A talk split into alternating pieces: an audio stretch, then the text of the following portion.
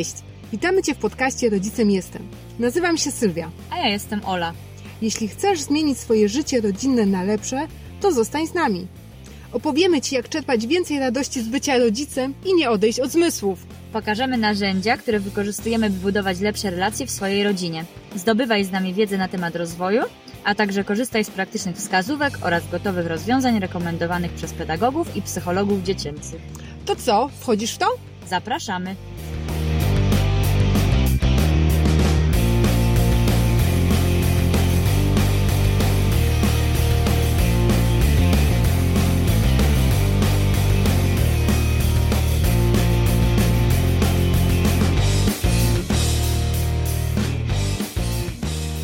Gościem dzisiejszego odcinka jest Katarzyna Myślińska. Kasia jest mamą dwójki sześciolatków, bliźniaków, Kacpro i Kajetana. Jej trzecie dziecko to Akademia Małe i Duże Sukcesy. Z wykształcenia jest pedagogiem i doradcą zawodowym. Misją Kasi jest propagowanie wśród dzieci i młodzieży rozwoju osobistego, mocnych stron, przedsiębiorczości i edukacji finansowej. Tej ostatniej tematyce, czyli edukacji finansowej, poświęcona będzie nasza dzisiejsza rozmowa. Zapraszamy do wysłuchania. Cześć Kasiu. Cześć, witam. Bardzo Ci dziękuję, że zgodziłaś się przyjść e, do naszego podcastu, wystąpić w naszym podcaście i porozmawiać z nami o bardzo ważnym temacie, który jest bardzo często pomijany, czyli o edukacji finansowej dzieci. Cała przyjemność po mojej stronie. Powiedz mi, Kasiu, dlaczego w ogóle postanowiłaś uczyć dzieci finansów? Yy, po pierwsze, jako mama Kajtka i Kacpra, sześciolatków, stwierdziłam jakieś trzy lata temu, że to jest bardzo ważny obszar, często pomijany i w szkole, i w przedszkolu, i też w życiu naszym takim rodzinnym, a niewątpliwie bardzo ważny. Dlatego razem z mężem postanowiliśmy krok po kroku mm, wprowadzać tą edukację finansową w wychowanie naszych dzieci. Jako pedagog, który ma do czynienia z dziećmi, również staram się po godzinach y, realizować taki program z zakresu edukacji finansowej dla dzieci i młodzieży. Kiedy zacząć rozmawiać z dziećmi o pieniądzach? Uważam, że im szybciej zrobimy, tym lepiej to dla naszego dziecka i łatwiej dla nas jako rodziców czyli takich pierwszych nauczycieli naszych dzieci. Inaczej bowiem rozmawia się na pewne tematy z takim małym dzieckiem, takim pięcio-sześciolatkiem, który dopiero poznaje życie, niesamowicie jest chłonny wiedzy, który wykazuje y, samodzielną taką aktywność poznawczą, a inaczej z nastolatkiem, który powiedzmy ma już takie wyrobione pewne swoje nawyki, dominujące potrzeby i określony w jakimś stopniu, i określony w jakimś stopniu yy, światopogląd. Tutaj dobór tych treści edukacyjnych i oczekiwany taki pozytywny rezultat będzie troszeczkę na innym poziomie. Uważam, że takim optymalnym momentem z mojego punktu widzenia jest wiek dziecka 5-6 lat, czyli taki przedszkolak. Oczywiście dochodzą mnie słuchy, że można robić to wcześniej, ja bazując na własnym doświadczeniu stwierdziłam, że ten okres 5-6 lat będzie najlepszy. E, w tym okresie uważam, że dziecko wykazuje bardzo duże zainteresowanie, bardzo często również zadaje mnóstwo pytań, czasami dla nas rodziców niewygodnych. E, jest takim dobrym i wnikliwym obserwatorem, uczy się przez naśladowanie. I często my, rodzice, nie mamy świadomości, że nasza pociecha, obserwując przede wszystkim nas, wyrabia swoje pierwsze nawyki, swój sposób myślenia i postępowania, i dlatego warto to wykorzystać i tą edukację finansową zacząć wprowadzać.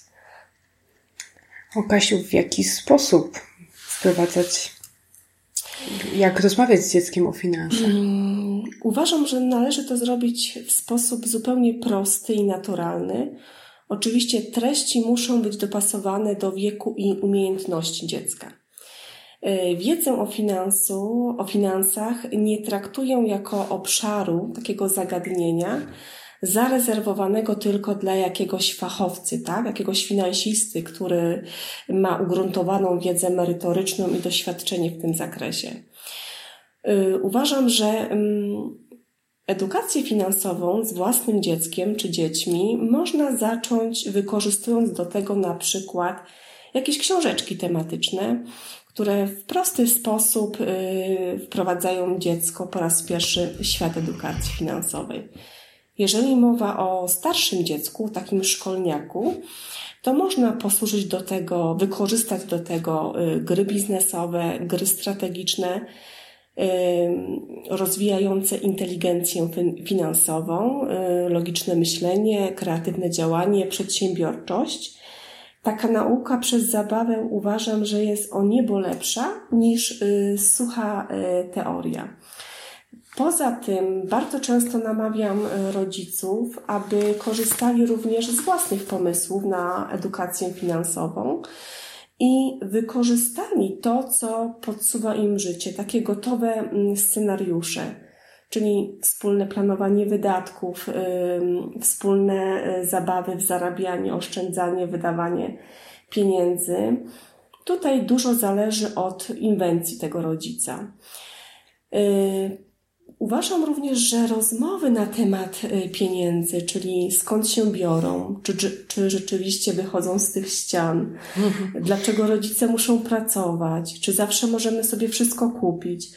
Takie tematy też uważam, że warto poruszać, bo rozbudzają niesamowicie taką świadomość finansową dziecka.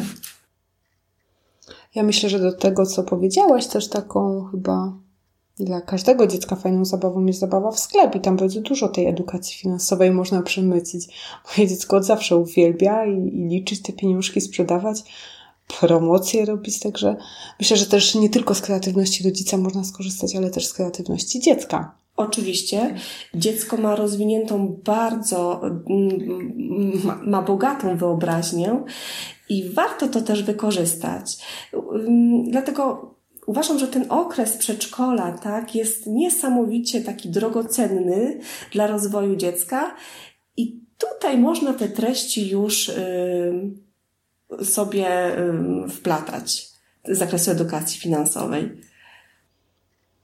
A powiedz, czy powinniśmy jako rodzice konsultować nasze wydatki, nasze plany finansowe z dzieckiem, na przykład zakup nowego samochodu czy, czy wyjazd na wakacje? Uważam, że powinniśmy y, generalnie rozmawiać o pieniądzach, o budżecie domowym, czyli o tym, że pieniądze nie służą tylko do wydawania, a jeżeli wydajemy pieniądze, to mamy określone y, że tak powiem, takie sfery, czyli na sfera wydatków, która ma związek z wydawaniem pieniędzy. Na przykład płacimy za prąd, za jedzenie. Mamy taki obszar związany z przyjemnością, czyli tutaj wydajemy pieniążki na y, kino, lody, nowy rower. I mamy taki obszar związany z oszczędzaniem, czyli tych pieniędzy nie ruszamy, zbieramy na jakiś określony ściśle cel. Powinniśmy konsultować z dziećmi nasze wydatki, mm, nasze y, oszczędności i tak krok po kroku, małymi, oczywiście y, wiedza też musi być i ten stopień trudności dopasowany do wieku dziecka, ale absolutnie nie wykluczać y, dziecko, dziecka z takich rozmów, które dotyczą budżetu domowego, które dotyczą takiego świata finansów. Wspominałaś właśnie, że 5-6 lat to jest taki idealny wiek, żeby rozpocząć. Czy to wynika z tego, że wtedy dzieci już zazwyczaj potrafią liczyć i, i ta, tą wartość pieniądza czują? Bo wcześniej to, to troszkę z tym ciężko. Tak. Prawda? Dzieci już w tym y, wieku mają świadomość tego, y, no potrafią liczyć, tak? Ich umiejętności pozwalają liczyć. Poza tym wiedzą już między innymi, to, między innymi to, że wiedzą do czego służą pieniądze, tak? Że pieniądze nie spadają z nieba, tak? Nie wychodzą z tych ścian, tylko no, mają inną wartość, tak? Najczęściej związane są z pracą. I teraz naszą rolą rodzica jest y, przekazać tym dzieciom, uświadomić, czemu tak naprawdę służą w życiu pieniądze, że one nie są wartością samą w sobą, tylko są jakimś środkiem do czegoś. A w jaki sposób możemy nauczyć nasze dziecko szacunku do pieniędzy? Tu bym powiedziała, żebyśmy też y, roz, um, uświadomili dziecko, że pieniądze najczęściej mają związek z czymś. czyli łączą się z pracą. Praca natomiast łączy się z wysiłkiem, z naszym zaangażowaniem. I to nie jest tak, że mama albo tato ma portfel bez dna, tak? Tylko chodzi do pracy, zarabia te pieniążki i dlatego należy te pieniądze też szanować, choćby najmniejszą złotówkę, tak? Bo każda, każdy najmniejszy, każda najmniejsza, że tak powiem, moneta ma jakąś wartość. Należy nauczyć też dzieci szacunku y, do tego, żeby nie niszczyły swoją, swoich rzeczy, żeby z rzeczy, których nie korzystają, y, na przykład y, sprzedać, komuś oddać, a zarobione pieniążki przeznaczyć na jakiś swój cel. Uświadamiać dziecko, że pieniądze tak naprawdę nie powodują, że człowiek jest lepszy, ładniejszy, mądrzejszy, ale świadomość posiadania tych pieniędzy może spowodować, że możemy komuś pomóc, kogoś wesprzeć. To są takie wartości, myślę, bardzo ważne. Powiedz, jak uczyć dziecka oszczędzania? Przede wszystkim zapytałabym się siebie jako rodzica, y, który chce nauczyć dziecko oszczędzania, czy samo potrafi oszczędzać. Bo y, dla dziecka y, to rodzic jest tym przykładem. I nie chodzi tylko o jakieś wygłaszane teorie, ale o pewien wzór do naśladowania. I odpowiadając na pytanie, tak, jak nauczyć dziecko oszczędzania, przede wszystkim pozwoliłabym dziecku na to, aby przysłuchiwało się, a nawet uczestniczyło w rozmowach między rodzicami na temat na przykład wydatków. Czyli jakie mamy wydatki w domu, na temat oszczędności, czyli dlaczego i na co zbieramy pieniądze. Oczywiście pod warunkiem, że w tych rozmowach między rodzicami nie ma jakichś wulgaryzmów i wzajemnego obwiniania się o brak pieniędzy, bo to akurat zaprocentuje y, no, no, niczym pozytywnym, powiedziałabym, w mentalności dziecka. Dobrym przykładem na przykład jest skarbonka, swoje kieszonkowe i możliwość zarządzania choćby najmniejszą kwotą. Uważam, że przez praktykę, poprzez samodzielne wybory dziecka i czasami nie do końca przemyślane te wybory, y, jeżeli dziecko ponosi konsekwencje z tych swoich wyborów, szybciej się uczy. Większa świadomość jest później jego, jeżeli chodzi o taki y, swój budżet, o swoje zarządzanie tymi finansami. Co właśnie, jeśli dziecko wyda wszystkie pieniądze ze skarbonki? Jeżeli wyda dziecko wszystkie pieniądze ze skarbonki, to powiem tak. Na pewno nie wprowadza dziecko w poczucie y, winy. Bo nam dorosłym, no nie oszukujmy się, też czasami uda się yy, no, wydać wszystkie pieniądze, czasami nie był to zupełnie zaplanowany cel. Powiedziałabym tak, trzeba dziecku dać czas, tym bardziej, że zaczynamy i pokazać zarówno pozytywne, jak i negatywne konsekwencje swoich wyborów. Bo umówmy się, skarbonka i te pieniądze, które są w skarbonce, są własnością dziecka. I my, rodzice, musimy pozwolić na to, żeby to dziecko decydowało o tym, na co wyda te pieniążki. I teraz tak, jeżeli jest jakiś określony cel i wytrwale zrealizował ten cel, czyli uzbierał w tej swojej skarbonce na jakąś tam, powiedzmy, na jakiś tam zakup swojej ulubionej zabawki, to za wytrwałość i cierpliwość nagrodzić. Natomiast kiedy dziecko niestety z różnych względów no, nie wytrzymało, tak, nie uzbierało tej danej kwoty, to na pewno nie wyręczać, nie ulegać takim presjom, że mamo, wydałem pieniądze, chciałabym, chciałbym czy chciałabym kupić sobie to. No nie. No musi dziecko ponieść konsekwencje i poczekać na to, że albo uzbiera y, tą pulę pieniążków, albo kupi sobie kolejną rzecz w momencie, kiedy dostanie y, jakąś kwotę związaną z kieszonkowym. Czy wygląd skarbonki ma znaczenie? Wydaje mi się, że nie. Jeżeli chodzi o wygląd skarbonki, wydaje mi się, że to nie ma większego znaczenia. Powiem tak, każde dziecko y, jest y, inne.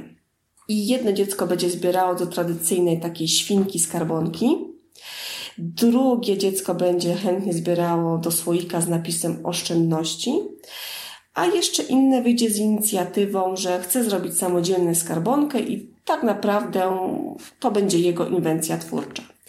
Moje dzieci przez jakieś dwa lata zbierały do y, takiej puszki po, y, metalowej puszki po słodyczach.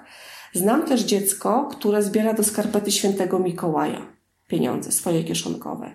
Ważne jest w tym wszystkim, niezależnie od tego, do czego zbiera, żeby dziecko miało świadomość, ile tam wrzuca, tak? I ile tam jest wszystkich pieniędzy. Nic nie stoi na przeszkodzie, powiedziałabym, aby oprócz pieniędzy y, wrzucać również y, karteczki z informacją o zawartości całej skarbonki, czyli kiedy, data zostały wrzucone pieniążki, w jakiej kwocie, kiedy wyciągnięte. Taka mała księgowość uczy również zarządzania i planowania finansami. Jeszcze w kwestii skarbonki, to u nas skarbonka świnka zupełnie się nie sprawdziła. Y, zaczęłam szukać informacji na ten temat i trafiłam na drugi, to był chyba odcinek podcastu Angeliki Talagi, podcastu Godmother, który poleciła mi Ola. I w tym odcinku Angelika przedstawia, czym powinna charakteryzować się idealna skarbonka i dlaczego taką rekomenduje. I właśnie jest to taka skarbonka y, transparentna, przez którą y, widać zawartość. Jest to spersonalizowana skarbonka i opowiada też y, o tym, jak z tą skarbonką dziecko i my, rodzice, powinniśmy się obchodzić. Także polecam ten odcinek serdecznie. Myślę też, że takim istotnym aspektem jest to, żeby dziecko miało w zasięgu tą swoją skarbonkę i mogło z niej korzystać, bawić się y, tymi pieniążkami, przeliczać je, dotykać, mieć z nimi kontakt. Pytanie, co jeśli dziecko wydaje tak nie do końca zgodnie z naszymi oczekiwaniami, na przykład na te nieszczęsne słodycze? Y, oczywiście rozmowa, tak, ale przede wszystkim działanie w praktyce. Mój taki pomysł, bo też miałam problem z tym, że y, jak moje dzieci dostawały y, kieszonkowe, to pierwsze co te słodycze. Te nieszczęsne słodycze, które tak naprawdę no, no, no nie są zdrowe. To, to nie ma co tutaj się łudzić. I co? No wpadłam na taki pomysł, że zrobiliśmy dla członków rodziny, czyli dla mamy, taty i, dziecka, w naszym przypadku dzieci, taką, spisaliśmy taką umowę, która polegała na tym, że stworzyliśmy czarną listę zakupów, to znaczy wypisujemy wszystkie rzeczy, na które nie wydajemy swoich, na których no nie wydajemy tych swoich oszczędności, albo wydajemy tylko do określonej kwoty. I na tej liście znalazły się zarówno rzeczy związane z zachciankami dziecka, czyli słodycze, chipsy, zabawki, jak również zachciankami naszymi, tak? Nas, rodziców, czyli kawa, słodycze, y, kosmetyki, gazety.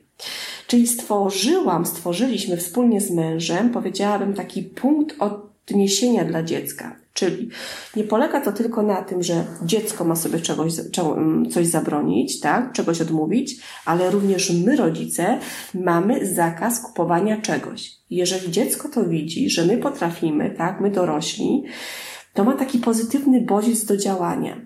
Bo to nie sztuką jest wymagać tylko od dziecka, ale my, rodzice, my dorośli, no też musimy coś od siebie dać i być tym przykładem, tak, który pokazuje w praktyce, jak to wszystko wygląda. No, no bo teorie suche tutaj nic nie zdziałają. Dokładnie, nic lepiej nie działa w przypadku dzieci jak modelowanie. Dokładnie. Kasiu, wspominałaś o kieszonkowym. E, kiedy kieszonkowe? Ile kieszonkowego? Jak myślisz? Powiem tak, kieszonkowe na pewno nie może być taką formą rekompensaty za obowiązki domowe, obowiązki szkolne, dobre zachowanie, y, bo to przyniesie skutek y, odwrotny.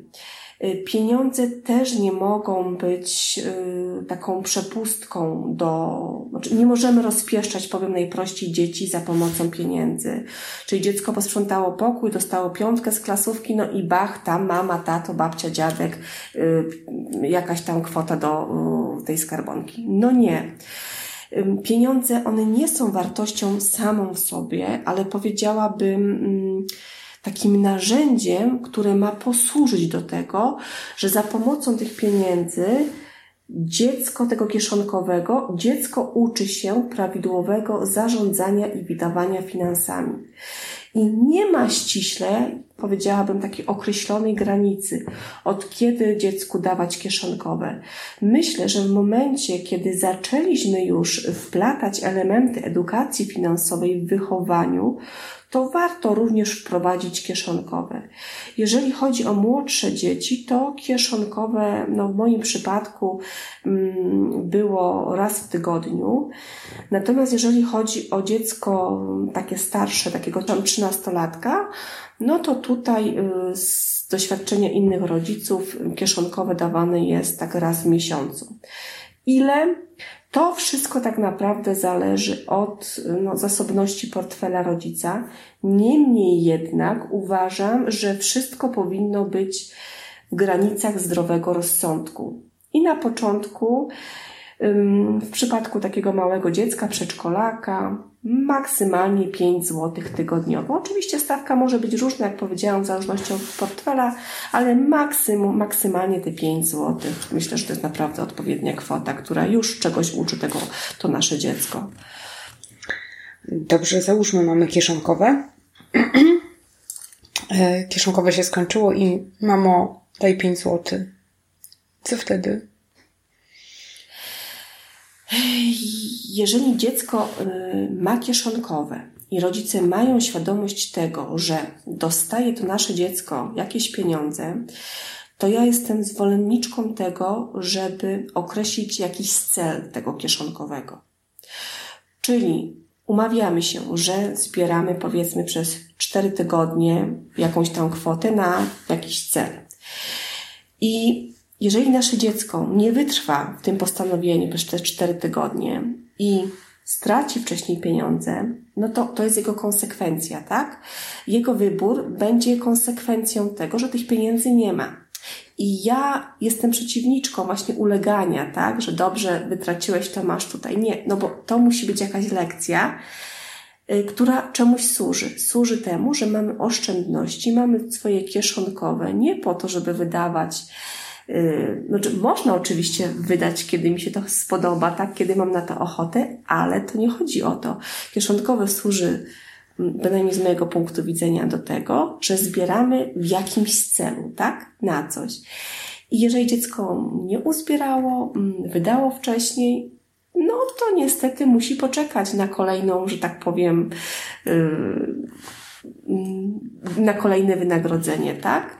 Tego kieszonkowego. Ja bym nie ulegała. Po prostu taki był wybór dziecka, musi ponieść tego konsekwencje, tak? Mhm. We wszystkich przypadkach, bo rozumiem to, co mówisz, tak? Jeżeli jest jakiś cel, zbiera na, nie wiem, klocki Lego, czy na jakąś książkę, rowerek, czy coś nawet mniejszego, tak? E, no i nie wiem, jedziemy z dzieckiem na zakupy i chciałoby na przykład jakąś książeczkę. Też mamy wtedy nie ulec, możemy się, nie wiem, dogadać, że owszem, ale to ze swojej skarbonki może wziąć i sobie zapłacić, czy, czy po prostu też, jeżeli od czasu do czasu gdzieś tam coś kupimy, czy to w jakimś stopniu strasznie zaszkodzi i zburzy tą całą edukację finansową? Na pewno nie zaszkodzi, tak? Na pewno nie zaszkodzi. Ja powiem tak, nie jesteśmy, um, ulegamy różnym pokusom. No my dorośli, to nie ma się to też co czarować. No mamy swoje jakieś grzeszki, tak? Postanawiamy, dobra, oszczędzamy ale no, kobieta, jestem kobietą i wiem, że jednokrotnie gdzieś tam reklama kusi, tak? Miałam nie kupić w tym miesiącu tej pomadki, ale jednak promocja i kupiłam. Oczywiście mogą być jakieś takie y, małe, powiedziałabym, usprawiedliwiające y, grzeszki. Niemniej jednak, co ważne, no postanowi, rozmawiałabym, tak? Rozmawiam, rozmawiałam y, i będę rozmawiać o tym, że mamy czarną listę rzeczy takich zakazanych i pod żadnym, że tak powiem, pod żadnymi prośbami nie kupujemy tego. Mamy określoną sumę pieniędzy, czyli wydajemy, zbieramy na coś i się też tego konsekwentnie trzymamy. A jeżeli uda się, powiedzmy, gdzieś tą mamę namówić na jakąś książeczkę, a my rodzice widzimy w tym wartość i sens, że ta książeczka edukacyjna tak naprawdę nie zaszkodzi, a pomoże, to możemy ulec, tak? Oczywiście możemy kupić, możemy ulec tej pokusie. Oczywiście nie robiłabym też z tego nie wiadomo jakiejś burzy w szklance. No, no zdarza się. Ja myślę, że to, co powiedziałaś z twoją, z waszą czarną listą, to jest takie clue, że chyba rodzinnie trzeba ustalić po prostu zasady takie, które będą najlepiej u nas czy u kogoś innego funkcjonowały. Wy, wy macie czarną listę, wiem, ktoś inny sobie zrobi regulamin oszczędzania. Te zasady są dla nas, a, a nie my dla zasad i żeby się ich po prostu gdzieś tam trzymać, to wtedy o wiele bardziej ułatwia jakieś tam funkcjonowanie dzieciom i nam, tak? Bo, bo zasady, jeżeli są, to muszą być dla wszystkich, żeby miały sens, tak mi się wydaje. Też się pod tym podpiszę. A powiedz mi, Kasiu, y, co sądzisz o koncie w banku dla dziecka? Uważam, że to jest bardzo rozsądne rozwiązanie, takie konto bankowe mm, dziecka. Powiem tak, y, my rodzice chcemy zapewnić najlepszą przyszłość, tak? Taki najlepszy start w dorosłość i takie konto może być dobrą inwestycją. Poza tym takie profesjonalne konto bankowe może być też takim pierwszym poważnym krokiem w świecie finansów dla naszego dziecka. Także widzę tu więcej pozytywów, takich pozytywnych aspektów niż negatywnych w koncie y, bankowym. Czy jeżeli założymy dziecku konto, bo wiadomo, że zazwyczaj to jest konto, które jest podpięte pod, pod konto rodzica, tak? E, czy taką kartę do takiego konta możemy śmiało dziecku dać? To tu bym miała, tutaj bym miała na uwadze dwie sprawy. Jedną sprawę taką dosyć znaczącą. Jeżeli, bo możemy konto w banku otworzyć dziecku już poniżej 13 roku życia oraz dziecku od 13 y, do 18 roku życia, tak? Takiemu nastolatkowi. Jeżeli tak naprawdę, jeżeli otwieramy konto dziecku, to my jesteśmy prawnym opiekunem, tak, tego dziecka, e, tego konta, przepraszam. I tak naprawdę my, rodzice, musimy uważać na to, że no to jest w pewien sposób jakieś niebezpieczeństwo, bo y, trzeba z dziećmi rozmawiać na temat y, niebezpieczeństwa ze strony świata wirtualnego uczulać na podawanie swoich e, danych osobowych, numeru telefonu, kodu, pinów, o ile takie zna. E, trzeba rozmawiać mm, z dzieckiem, czemu służy to konto bankowe, że nie jest to zwykła skarbonka, z której można zawsze w każdej chwili wyjąć pieniądze. Ja bym uważała na taką kartę. Wszystkie operacje bankowe robiłabym razem z dzieckiem, tak? No chyba, że to jest nastolatek yy, i ma rzeczywiście już swoje takie indywidualne konto, ma świadomość tego, mm, co się z tym wiąże, mm, wcześniej troszeczkę wiedzy już uzyskał, no to tak, ale jeżeli mowa o takim dziecku poniżej 13 roku życia, no to tutaj bym z tą kartą do bankomatu uważała. Czyli generalnie konto w banku, tak? Odkładanie jakichś tam pieniążków dla tego dziecka na przyszłość jak najbardziej, ale Y, pod nadzorem, tak. Czy, czy obsługa samego rachunku to, to pod nadzorem, albo dopiero jak już będzie na tyle świadomy przede wszystkim, tak. Dobrze, Kasiu, y, jakie mogłabyś polecić dodatkowe materiały, strony czy rzeczy w sieci, które mogą pomóc rodzicom w edukacji finansowej swoich pociech? Na pewno poleciłabym y, dwa blogi. One są skierowane tak bardziej dla rodzica, dla osoby dorosłej, może tak. To jest blog Michała Szafrańskiego, Jak oszczędzać pieniądze y, i jego dwie książki, Finansowy Ninja i Zaufanie, czyli Waluta przyszłości. Michał jest takim, powiedziałabym, dla mnie guru, jeżeli chodzi o finanse. I to, co, y, to, o czym piszę na blogu, można również y, wziąć tak, dla siebie i to przełożyć, że tak powiem, w swoim życiu codziennym. Y, drugi blog to jest Finanse bardzo osobiste, taki tytuł bloga, Marcin Iwódź. Też y, Marcin bardzo ciekawie y, porusza mm, edukację finansową. Jeżeli chodzi o propozycje dla takich najmłodszych, to mogłabym polecić i z czystym sumieniem polecam takie książeczki edukacyjne dla dzieci. Mm, między innymi, ja podam takie tutaj trzy pozycje, bo książeczek edukacyjnych z zakresu edukacji finansowej jest naprawdę bardzo dużo, do wyboru, do koloru mówiąc, w zależności od tego, co potrzebujemy. Ja mam takie trzy pozycje, czy muszę pracować, czyli po co komu pieniądze, autora Romek Pawlak, chyba się nie pomyliłam, a jeżeli się pomyliłam, to bardzo przepraszam. Nazwisko na pewno Pawlak, Mądre Oszczędzanie Justyny Wacławik oraz Basia i Pieniądze, taki e-book Zofii yy, Staneckiej. Chyba nie pomyliłam żadnego autora. Myślę, że poszukamy i w linku pod odcinkiem dorzucimy te pozycje. E, nazwiska i Wódź i Szafrański, to myślę, że każda osoba, która w jakikolwiek sposób jest z finansami i nie tylko związana, to, to słyszała i na pewno polecamy również. Wszystkie linki do tych blogów, o których Kasia wspomniała, będą pod odcinkiem. Na koniec, podsumowując, e, dlaczego edukacja finansowa dzieci jest tak ważna? Edukacja finansowa to taki nieodłączny element, powiedziałabym, który towarzyszy i będzie towarzyszył nam w życiu, tak? Będzie towarzyszył przez całe życie. I ta wiedza z zakresu finansów jest bardzo ważna. Im szybciej zaczniemy, jak powiedziałam wcześniej, tym lepiej. Mm, nawyki związane z oszczędzaniem, zarabianiem, wydawaniem pieniędzy naprawdę są bardzo ważne bo tak naprawdę one decydują później o tym, jak będziemy działać w tym kierunku, jak będziemy tymi pieniędzmi zarządzać, jak będziemy o nich w ogóle myśleć.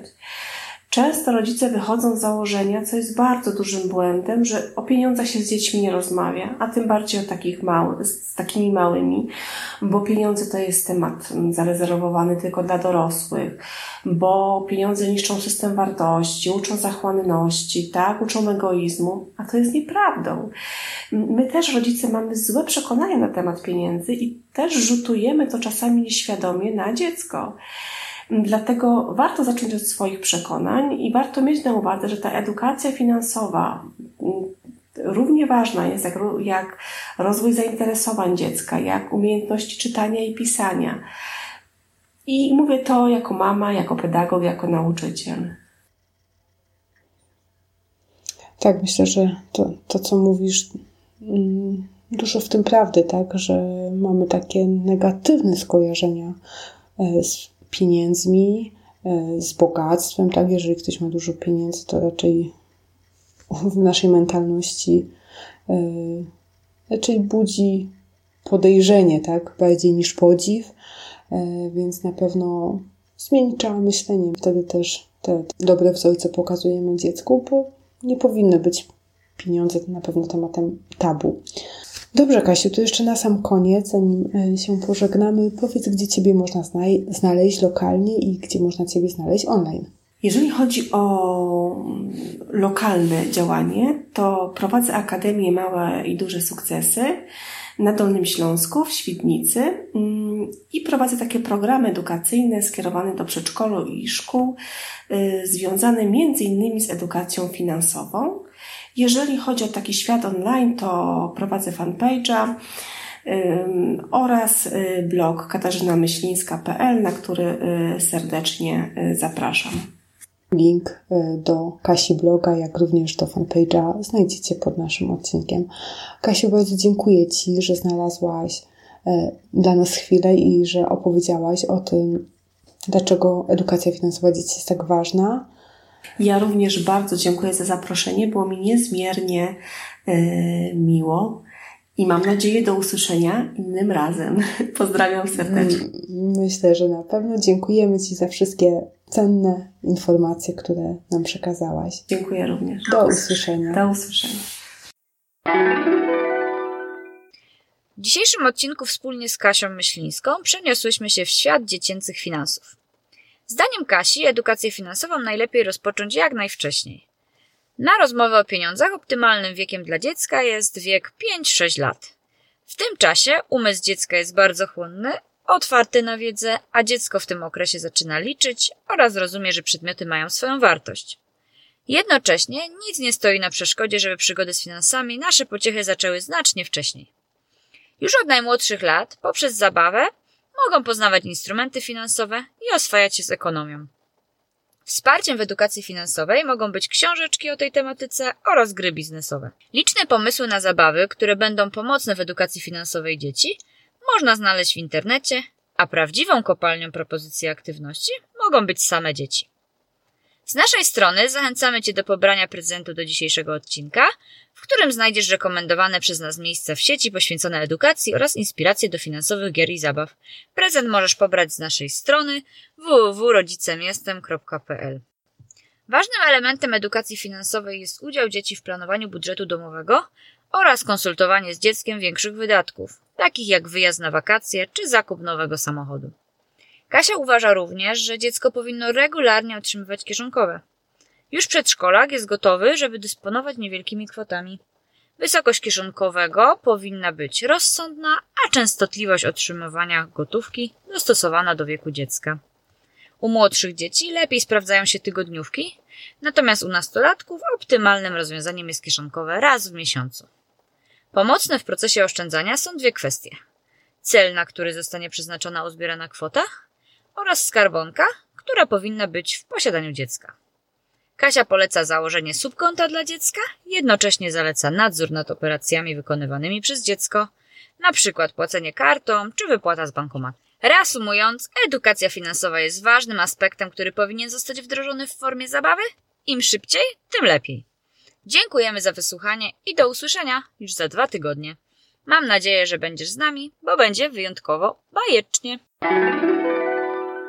Wejdź na naszą stronę www.rodzicemjestem.pl i pobierz przygotowany przez nas prezent, którym jest test inteligencji wielorakich, badający zdolności Twojego dziecka w ośmiu obszarach. Ten test pozwoli Ci odkryć potencjał swojego dziecka. Możesz skorzystać też z przygotowanych przez nas pomysłów na rozwijanie wrodzonych talentów i wspieranie mocnych stron dziecka. Nie czekaj i zapisz się na nasz newsletter, a test trafi prosto na Twoją skrzynkę mailową. Był podcast Rodzicem Jestem. Dziękujemy za wysłuchanie. Po więcej zapraszamy na facebookowy fanpage Rodzicielski Drogowskaz, stronę podcastu www.rodzicemjestem.pl oraz blog www.rodzicielskidrogowskaz.pl Jeśli spodobał Ci się podcast, zostaw swoją opinię na iTunes. Dzięki temu będziemy wiedzieć, że to, co robimy, ma sens. Do usłyszenia!